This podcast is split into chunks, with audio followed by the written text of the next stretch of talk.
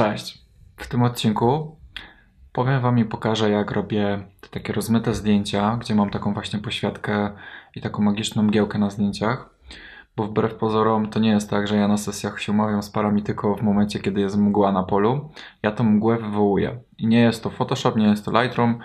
Jest to naturalny zabieg, który zaraz Wam pokażę. I są jakby trzy możliwości, które możecie zastosować, żeby uzyskać właśnie taką poświatę na zdjęciach. Sposób numer pierwszy. Sposób numer pierwszy, który jest moim ulubionym sposobem, którego używam non-stop, praktycznie przy 99% zdjęć, to jest po prostu brudny obiektyw. Nie wiem, czy by widać to stąd, ale mój obiektyw, którym fotografuję, jest upaćkany. Wiele ludzi na ślubie i na weselu zwraca mi uwagę, że mam upaćkany obiektyw, a on jest upaćkany specjalnie. Jest po prostu brudny. Oczywiście to jest filtr, to nie jest obiektyw. Jest e, filtr nałożony UV na obiektyw i go po prostu upaćkałem palcami brudnymi. Możesz upaćkać też palcami, nie wiem, pomadką czy czymkolwiek innym. I wtedy zdjęcia są mniej ostre, mniej wyraźne i właśnie powstaje taka mega fajna poświata magiczna, taka mgiełka, szczególnie jak robisz pod słońce. Sposób numer drugi też często stosuję, szczególnie w zimie, to jest e, chuchanie w obiektyw, takie. Po prostu. Obiektyw zaparowuje i w zimie ta mgiełka się utrzymuje dłużej, bo w lecie ona od razu, od razu ucieka, więc trzeba szybko robić zdjęcia.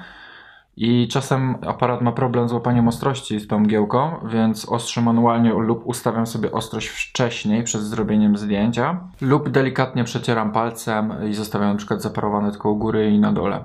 Sposób numer trzeci. Najrzadziej prze, przeze mnie używany, ale na pewno będę się tym jeszcze bawił i eksperymentował, bo to jest fajna sprawa. To nakładacie sobie folię y, śniadaniową lub taki woreczek aluminiowy, jak ja widzicie, na obiektyw.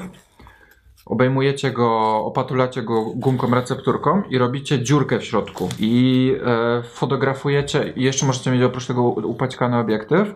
I, I te boki przez folię robią się takie mega rozmazane i robi się właśnie taka mgiełka.